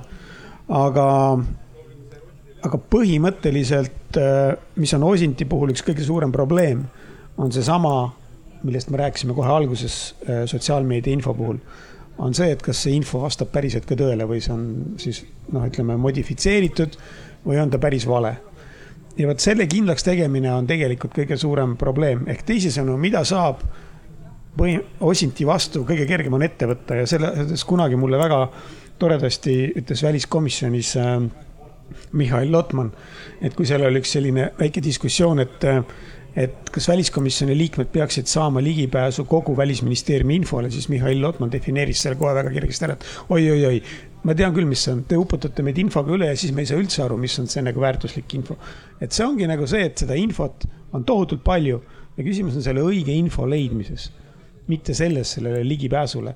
ja ma väidan seda, et on mikroskoopiline osa informatsiooni on see, mis ei ole avalikult kättesaadav enamus informatsiooni on kuidagimoodi avalikult kättesaadav, kasvõi mingisugusel perioodil. Et see tsenseerimine ei ole lihtsalt võimalik, isegi Põhja-Korea taoline riik ei saa toimida totaalses infosulus. ta peab looma enda ümber mingi infovälja, muidu see riik ei püsi koos. ei oma kodanike suhtes ega ka väljapoole. ja selles mõttes kõige väärtuslikumad infoallikad Osinti mõttes on väga hästi informeeritud need inimesed, kes suudavad selle info tõesust ka kinnitada ehk ajakirjanikud tavaliselt aga teise riigi ametiisikud võib-olla ka, no ei ole tähtis. ja, ja selle tõttu see võrdlev infomaterjal, see äh, süvaotsing on väga tähtis, et, et sotsiaalmeedia teinekord kõverdab inforuumi ühes lihtsas punktis. ta hakkab reprodutseerima tegelikult ühte sedasama allikat ja väga kiiresti see kiirus on selle sotsiaalmeedia puhul see, mis loob temast niisuguse natuke teistsuguse meediumi võib-olla kui varem. ja, ja kui sa suudad kindlaks teha, et, et muidu noh, tavaliselt öeldakse, et kui, kui kolm sõltumatut väljaannet avaldab sama info ära, siis no võib üsna kindel olla, et see info on tõene. aga tegelikult, kui neil on üks ja sama allikas, siis on see lihtsalt niisugune vale tee, sotsiaalmeedias on see suurem probleem. et reprodutseeritakse tavaliselt ühte sama infoallikat ja vaata need nüüd luure töötab siis hästi, kui ta suudab selle info läbi töötada väga kiiresti, ehk selleks on olemas, nüüd on, on juba tänapäeval niisugused arvutiprogrammid või niisugune tarkvara, mis suudab seda teha. Ja vot need, kes suudavad seda protsessi nagu hallata ja sellega töötada, siis see on fenomenaalne edu, mis on võimalik saavutada.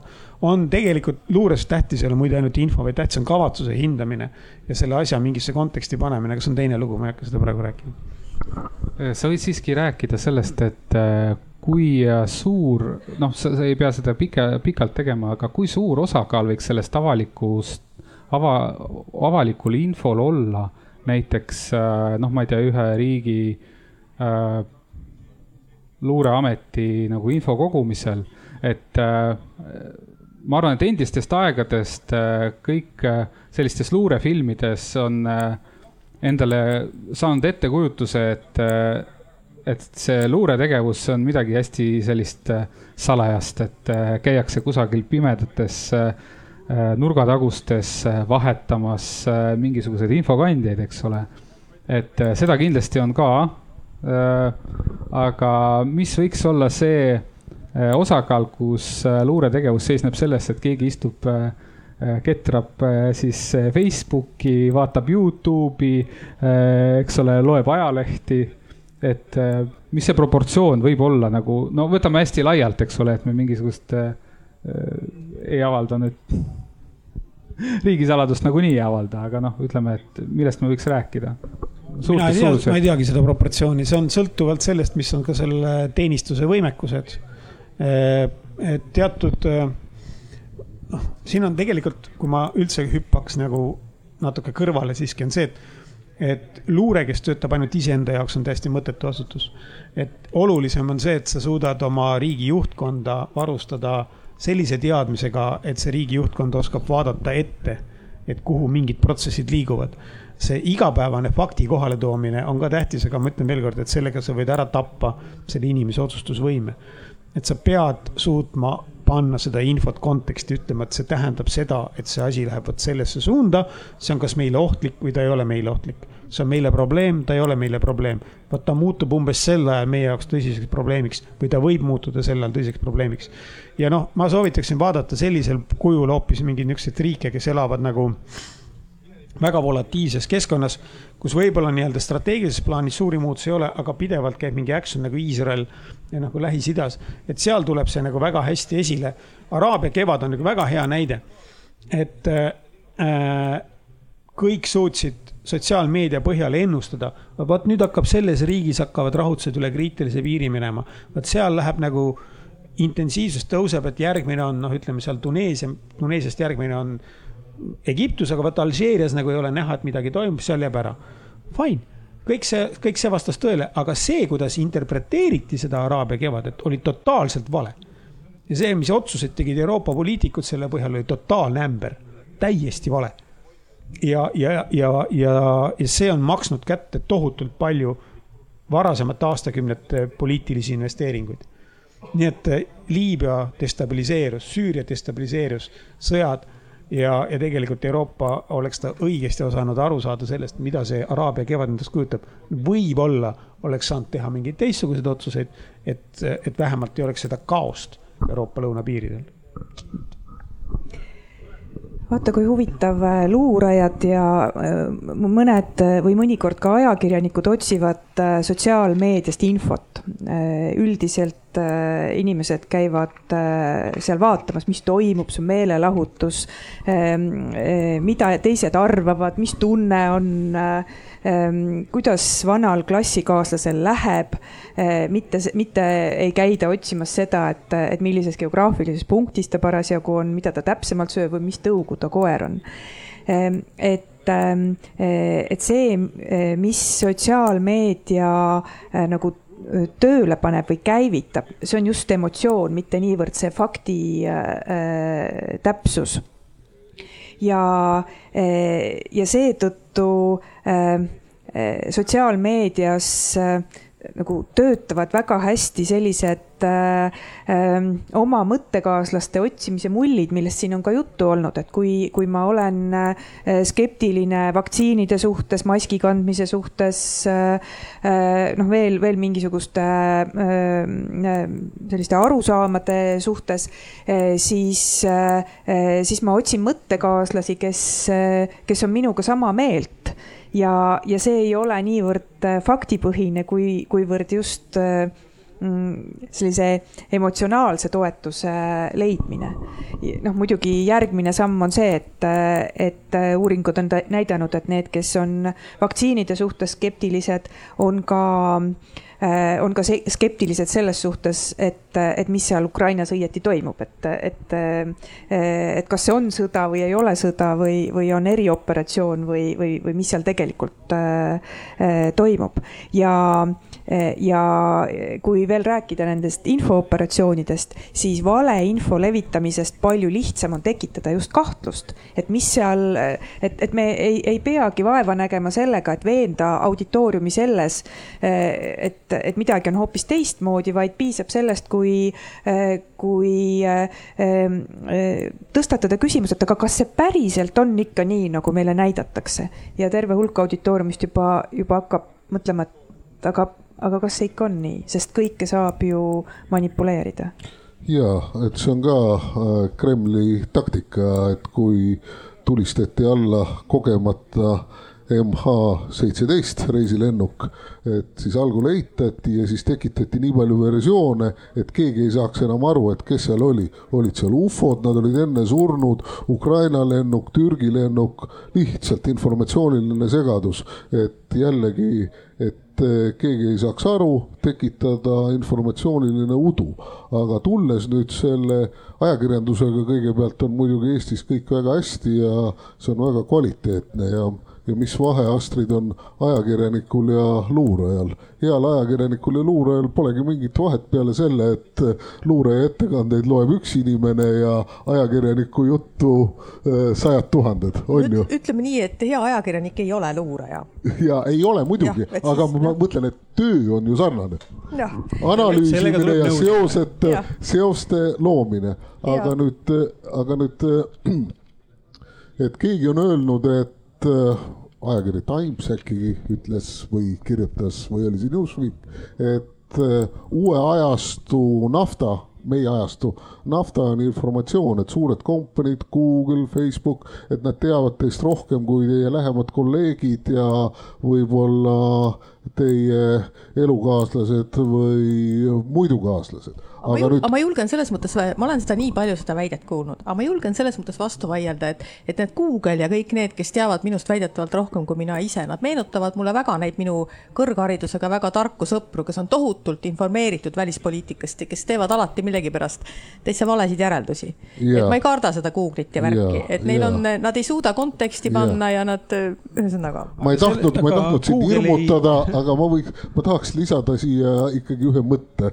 kui sa lubad et äh, ja, ja tegelikult see ajakirjandus on üldiselt maailmas, kus on vaba ajakirjandus, vaba sõna, on üldiselt äh, väga vastutustundlik ja reguleeritud. ma pean silmas äh, demokraatlikke riike, aga nüüd see, mis puudutab sotsiaalmeediat, et see tegelikult ei ole reguleeritud ja seda õliinformatsiooni siis kaevandatakse nagu metsikult läänest, et loeb see, et kelle koldil on äh, suurem trummel ja väledam näpp. ja nüüd koht, kus ma ajutiselt töötasin neli aastat Riias, viis, me viisime läbi ühe oportunistliku eksperimendi, et vaadata, et kas on olemas must turg, et kuidas manipuleerida sotsiaalmeediakanalites ja selgus, et seda musta turgu ei ole, et see oli täiesti turg olemas. Ja seda turgu kontrollisid siis Vene ettevõtted ja Vene mootorid. Ja viisime läbi kolm aastat tagasi, üks aasta tagasi ja nüüd ma lugesin just uuesti, et see strateegilise kommunikatsiooni kompetentsikeskus oli eh, sel aastal just avaldas uue raporti, et mis on siis nagu muutunud ja ma kirjutasin välja, et mitte eksida, ma ei loe pikalt ette, et äh, manipuleeriti siis neljakümmend kuute postitust Facebookis, Instagramis, Tiktokis, Youtube'is, Twitteris ja Kontakte. Ja see maksis kokku kakssada seitsekümmend üheksa euri ja selle eest saadi äh, tuhat nelisada laiki laiki, ei, parandan, neliteist tuhat laiki, äh, üheksakümmend kolm tuhat äh, vaatamist ja viis äh, kuus tuhat share imist ja muidugi ka need suured firmad on lubanud, et nad parandavad, puhastavad ja nii edasi. üheksakümmend kaheksa protsenti nendest valepostitustest või vale account idega tehtud postitustest olid nelja nädala pärast äh, alles. et, et, et tegelikult see keskkond on väga manipuleeritav ja miks see on oluline, kõik teavad, sellepärast et äh, äh, siis, kui sa tekitad liikluse, su asi liigub nagu ülespoole, ehk siis firmade eesmärk on teenida raha, aga selles metsikus läänes ei ole usaldusväärset korda ja ütleme niimoodi, šeriif ei ole linnakesse saabunud, kui rääkida äh, Vahur Lauri ja Anton Aleksejevi keeles ma tahan turundajana öelda nii Astridile kui ka kõikidele teile, ärge kartke äh, Google'i ja Facebookiga infot jagada.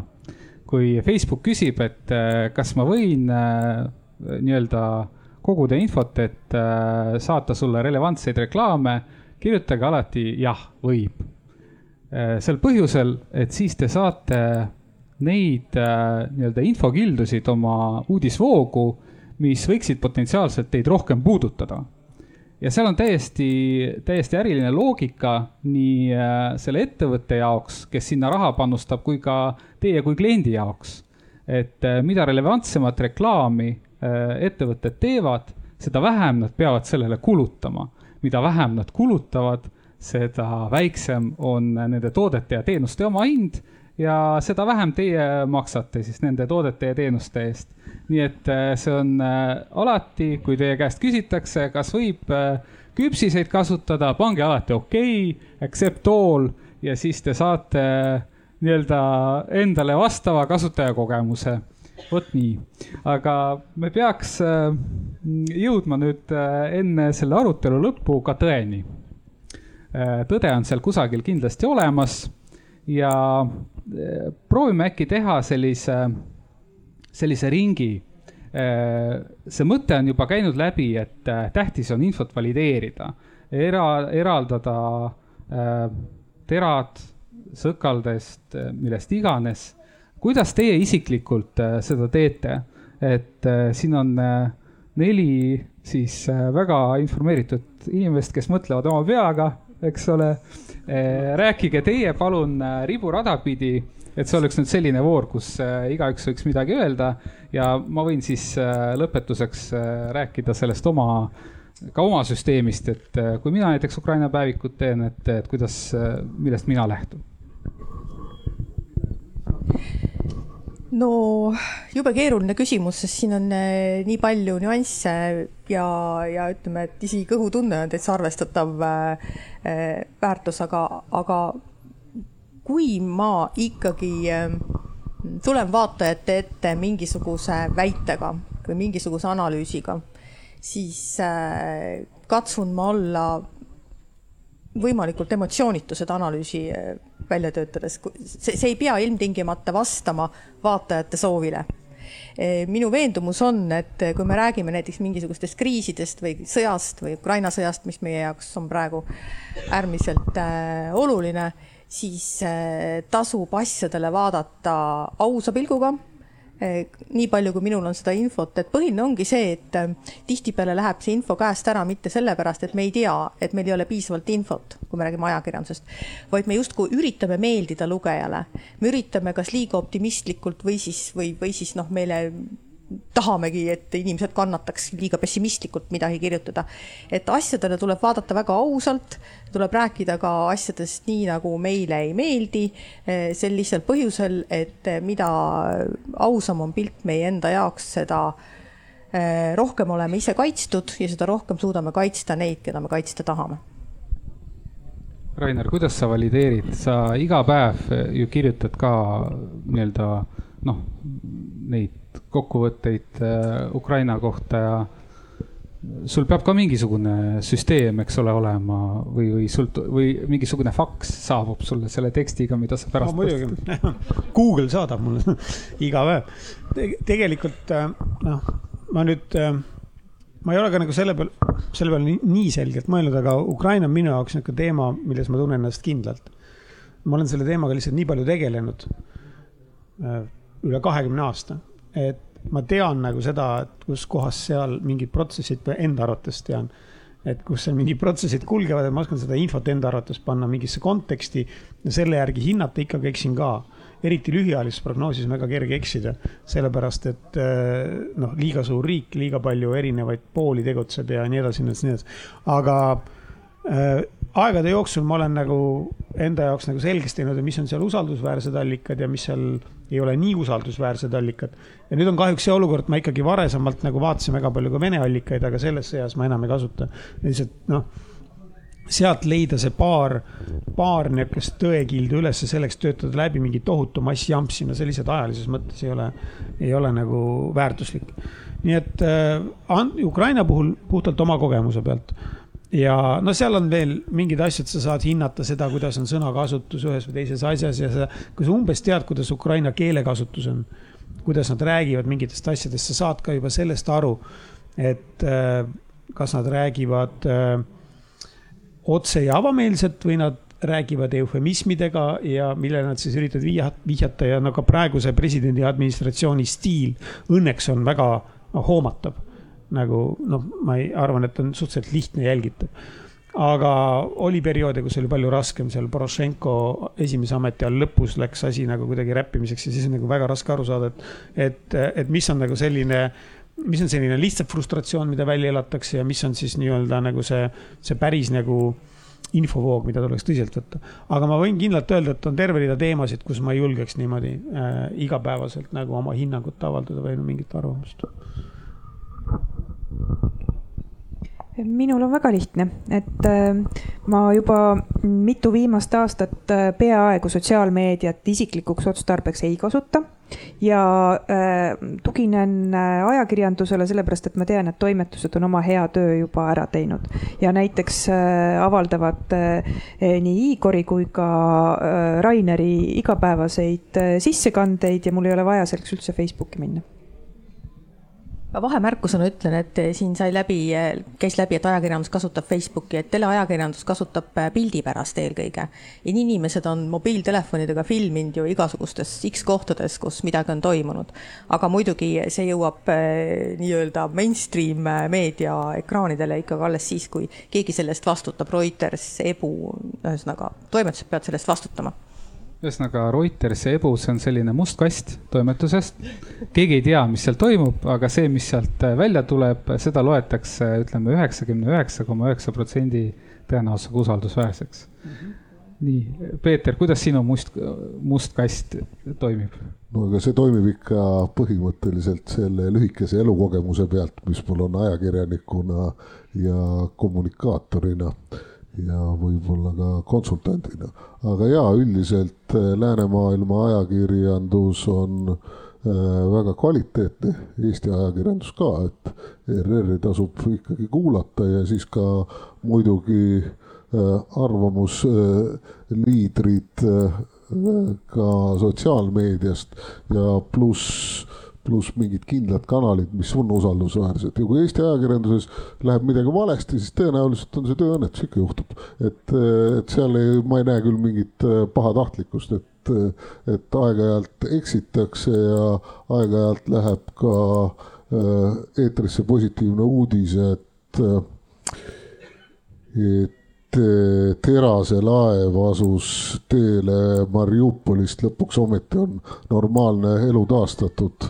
noh, et võib-olla tuleks täpsustada, et tegelikult tegemist oli röövitud äh, terasega ja noh, Vene kanaleid jälgida ei ole mingit mõtet, sest äh, kaitseministeeriumi kommunikatsioonijuht kindralleitnant Igor Konašenkov, see on ju puhas naljanumber, sest ta raporteerib niisuguseid numbreid, mida Ukraina lennukeid on ära hävitatud, et Ukrainal pole neid kunagi olnud, mitte kunagi.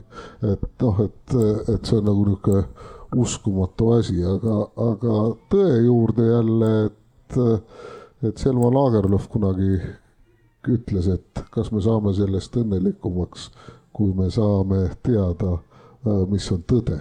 aga ma arvan, et me peame ikkagi selle objektiivse pildi poole püüdlema, sest jälle vastaste eesmärk on ära lõhkuda meie olukorra teadlikkus ja me peame oma väärtusi kaitsma. mul jäi enne ütlemata, et need on põhiseaduse preambulas sõnastatud aitäh, tegelikkuses see kõik, mis te rääkisite, ühtib äh, üsna palju sellega, mis, äh, mis ma tahtsin ka omalt poolt öelda, et hiljutistes ülikooli õpingutes, mis ei ole veel lõpuni jõudnud, olen nii-öelda saanud indu panda, panna igasuguseid asju nii-öelda raamistikke sisse kuidagi struktuuri ja, ja ma proovisin ka seda info valideerimist panna teatud struktuuri, noh, mis on osaliselt pärit ka, ka ajakirjandusõpingutest üle kahekümne aasta tagasi. jah, juba üle kahekümne, õudne. Äh, ja see on selline triangulatsiooni meetod. triangulatsioon, see on siis, äh, me võtame niisugust kolm pidepunkti, kas äh, koordinaatides või, või nagu kolm naela kusagil ja üritame siis äh, selle kolme punkti abil ühendada, leida seda, valideerida seda, leida seda tõde. ja üks punkt on äh, selline, mida kõikidele ajakirjanikele on äh, aegade algusest õpetatud ja see on ka võimalus ajakirjanikul enda pealt nagu vastutust maha võtta, on see, et kaks sõltumatut allikat peavad mingi info kinnitama noh, see on, ütleme selline ka võib-olla ka tabloidajakirjanduse või skandaaliajakirjanduse meetod, kui nad kasutavad ka anonüümseid allikaid. kui nad ikkagi püüdlevad mingisuguse kvaliteedi poole, siis äh, nad ei tohi avaldada ühtegi kuulujuttu äh, siis, kui selle kohta ei ole kaks sellist teineteisest sõltumatut kinnitust. et see on siis number üks, vaatame kaks, äh, kas kaks sõltumatut allikat on olemas nii, siis äh, lähme selle triangulatsiooni meetodist nagu teise punkti juurde. teine punkt äh, seostub äh, tänase vestluse teemaga, kes sa selline oled. et äh, kes see selline on, kes selle info edastas. et äh, kas sellel inimesel, kas sellel organisatsioonil, kas sellel kanalil on tegelikkuses ka kompetents, eks ole. et äh, kui ta noh, võtab äh, näiteks meditsiiniteemadel äh, sõna, noh, kas tal on mingisugune vastav eriala või, äh, või on vastavad kogemused, noh, seesama on siin räägitud nagu kogemustest, kas ma olen seda pikalt jälginud, kas, kas noh, kas mul on mingisugused oskused selle protsessi mõistmiseks. see on siis teine ja kolmas, see triangulatsiooni punkt, see seostub sellise nagu pikaajalise vaatlusega see on see, mille kohta siis äh, Rainer rääkis. et, äh, et ka tegelikkuses nende Ukraina uudistega või ükskõik mis uudistega seoses, kui sa hästi pikalt vaatled mingisuguseid protsesse, äh, siis sul tekib selline omamoodi graafik peas, no nii nagu ilmavaatlusel näiteks tekib temperatuuri graafik, eks ole, seal on mingisugune amplituud, võib-olla seal on sinusoidne selline liikumine üles-alla aga kuidas sa tead siis, et kas see on tõepärane või mitte? näiteks kui ma ütlen teile, et homme tuleb miinus kakskümmend, mis te ütlete mulle selle peale, on tõenäoline, ei ole? eks ole, ei ole. noh, et ütleme, et homme eh, see ei saa juhtuda, kui ma ütlen, et kolme kuu pärast võib tulla miinus kakskümmend eh, külma, siis noh, selle kohta ütleme nii ja naa. ehk siis on olemas teatud kõikumised ka sündmustes. Ja kui äh, juhtub mingisugune väga suur kõrvalekalle, keegi avaldab mingisuguse sellise info, mille puhul ei ole mitte ühtegi eeldust, teoreetilist ega mingisugust faktilist eeldust, siis tegelikkuses sa nagu hakkad kahtlema ja sa vaatad, et kas see ikkagi noh, siis sa kontrollid ikkagi nagu palju rohkem, siis sa pöörad ka nendele teistele punktidele tähelepanu, et kas seal oli ikkagi kaks sõltumatut allikat, kas, kas need allikad on üldse pädevad ja nii edasi. ma ütleks, et äh, sellise triangulatsiooni kasutamisel on see mm, noh, ma, ma ei saa öelda, et see on lollikindel, sellepärast et see ei ole lihtne. et sa tegelikult pead kaevama, sa tegelikult pead nagu vaatlema ja, ja asja pikalt jälgima, mingisugune kompetents peab olema selle peal üles ehitatud. aga jällegi, see ei ole sajaprotsendiline, see on selline üheksakümmend üheksa koma viis, noh, ütleme võib-olla, võib-olla koma üheksa või umbes niimoodi, sellises suurusjärgus. sest iga inimene või ekspert, kes teeb mingisugust prognoosi, kui ta kasutab prognoosi stsenaariume, siis ta ütleb teile samamoodi, et kõikide mulle teadaolevate eelduste korral see prognoos täitub üheksakümneprotsendilise tõenäosusega, sest on alati on kusagil võib olla mingisugune tundmatu. ehk siis võib olla, et ühtäkki näiteks äh, põhja läinud äh, äh, Vene lipulaev Moskva osutub ikkagi tõeks, sellepärast et olid mingisugused eeldused ja võib olla ka niimoodi, et äh, pärast seda nädal aega hiljem või kaks nädalat hiljem ilmunud teade põhja läinud laevast ei osutu tõeks. et äh, nii see on. ühesõnaga, me oleme oma aja rääkinud mõnusasti täis ja natukene pealegi äh,. vist jõudsime ka lõpuks äh, selleni, kus on tõde, eks ole, vähemalt oleme andnud teile mingisugused vahendid selle otsimiseks äh, võtame selle asja siis kokku niimoodi, et sotsiaalmeedia iseenesest äh, võib olla relv sõja ajal või rahu ajal, aga ta võib olla ka teraapia vorm. et äh, mina vahepeal mõtlesin selle peale, et miks, miks mina näiteks teen neid mingisuguseid sissekandeid.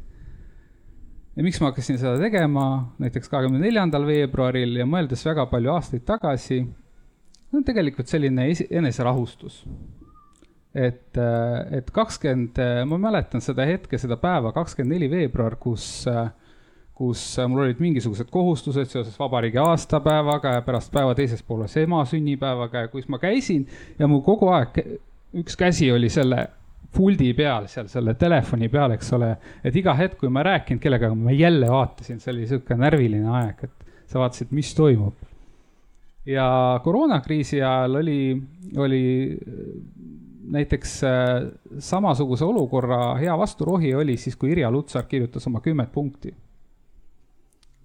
samamoodi regulaarselt, mitte päris iga päev, aga ta kirjutas mingisuguse regulaarsusega ja ma natukene võtsin sealt snitti ka selle praeguse Ukraina päeviku vormi juures, et kümme punkti, kui ma lugesin Irja kümme punkti ära, oh, okei okay,, selge, olukord on umbes selline elame edasi, eks ole, et see teadmatus oli kõige, kõige niisugusem nõmedam, frustreerivam ja kui sa said oma kümme punkti kätte, siis sa natuke nagu rahu, rahunesid. ja see on võib-olla see ka, miks äh,, miks me neid asju teeme. et äh, ma mõtlesin veel, et on üks äh, väga hea põhimõte, mida sotsiaalmeedia puhul äh, meenutada et, äh, et see ei teeks nagu kahju. see on selline mõte, et kui saad, ära kirjuta. mul on paraku veel palju asju hingel ma arvan, et paljudel, ka nendel, kes siin on, äh, mida ei saa kirjutamata jätta veel. seega me kohtume sotsiaalmeedia veergudel ja teistel veergudel ja kanalitel üsna pea nii, ja nüüd ma pean tänama. Äh, kõigepealt ma tänan äh, sõja ja rahuala äh, kaaskorraldajaid, kes on meid lahkesti lubanud siia kasutada seda, kõike seda tehnikat ja need on Eesti Fotokunstnike Ühendus, Tallinna Tehnikaülikool, sihtasutus Kodanikuühiskonna Sihtkapital, sotsiaalsete ettevõtete võrgustik, Rail Baltic Estonia, Eesti Interneti Sihtasutus Tallinna Ülikool, Arengukoostöö Ümarlaud, Välisministeerium ja Rahvusvaheliste Suhete Ring. aitäh teile kõigile. meil. aga ma täpsustan, et meil ei olnud nende organisatsioonidega mingit sisuturunduslikku kokkulepet, et mis küsimusi või mida me peame käsitlema, me tulime lihtsalt kõik oma agendaga siia ja siis ma tänan ka kõiki teid, kes te laupäeva õhtul viitsisite siia kuulama tulla ja nüüd ma tänaks ka kõiki kaasesinejaid, panin teile kokku väikesed äh, pakikesed Põlvamaalt, igasugustest äh, ökoloogilistest äh, toodetest, aitäh, et te tulite, ma loodan, et see natukene leevendab teie vaeva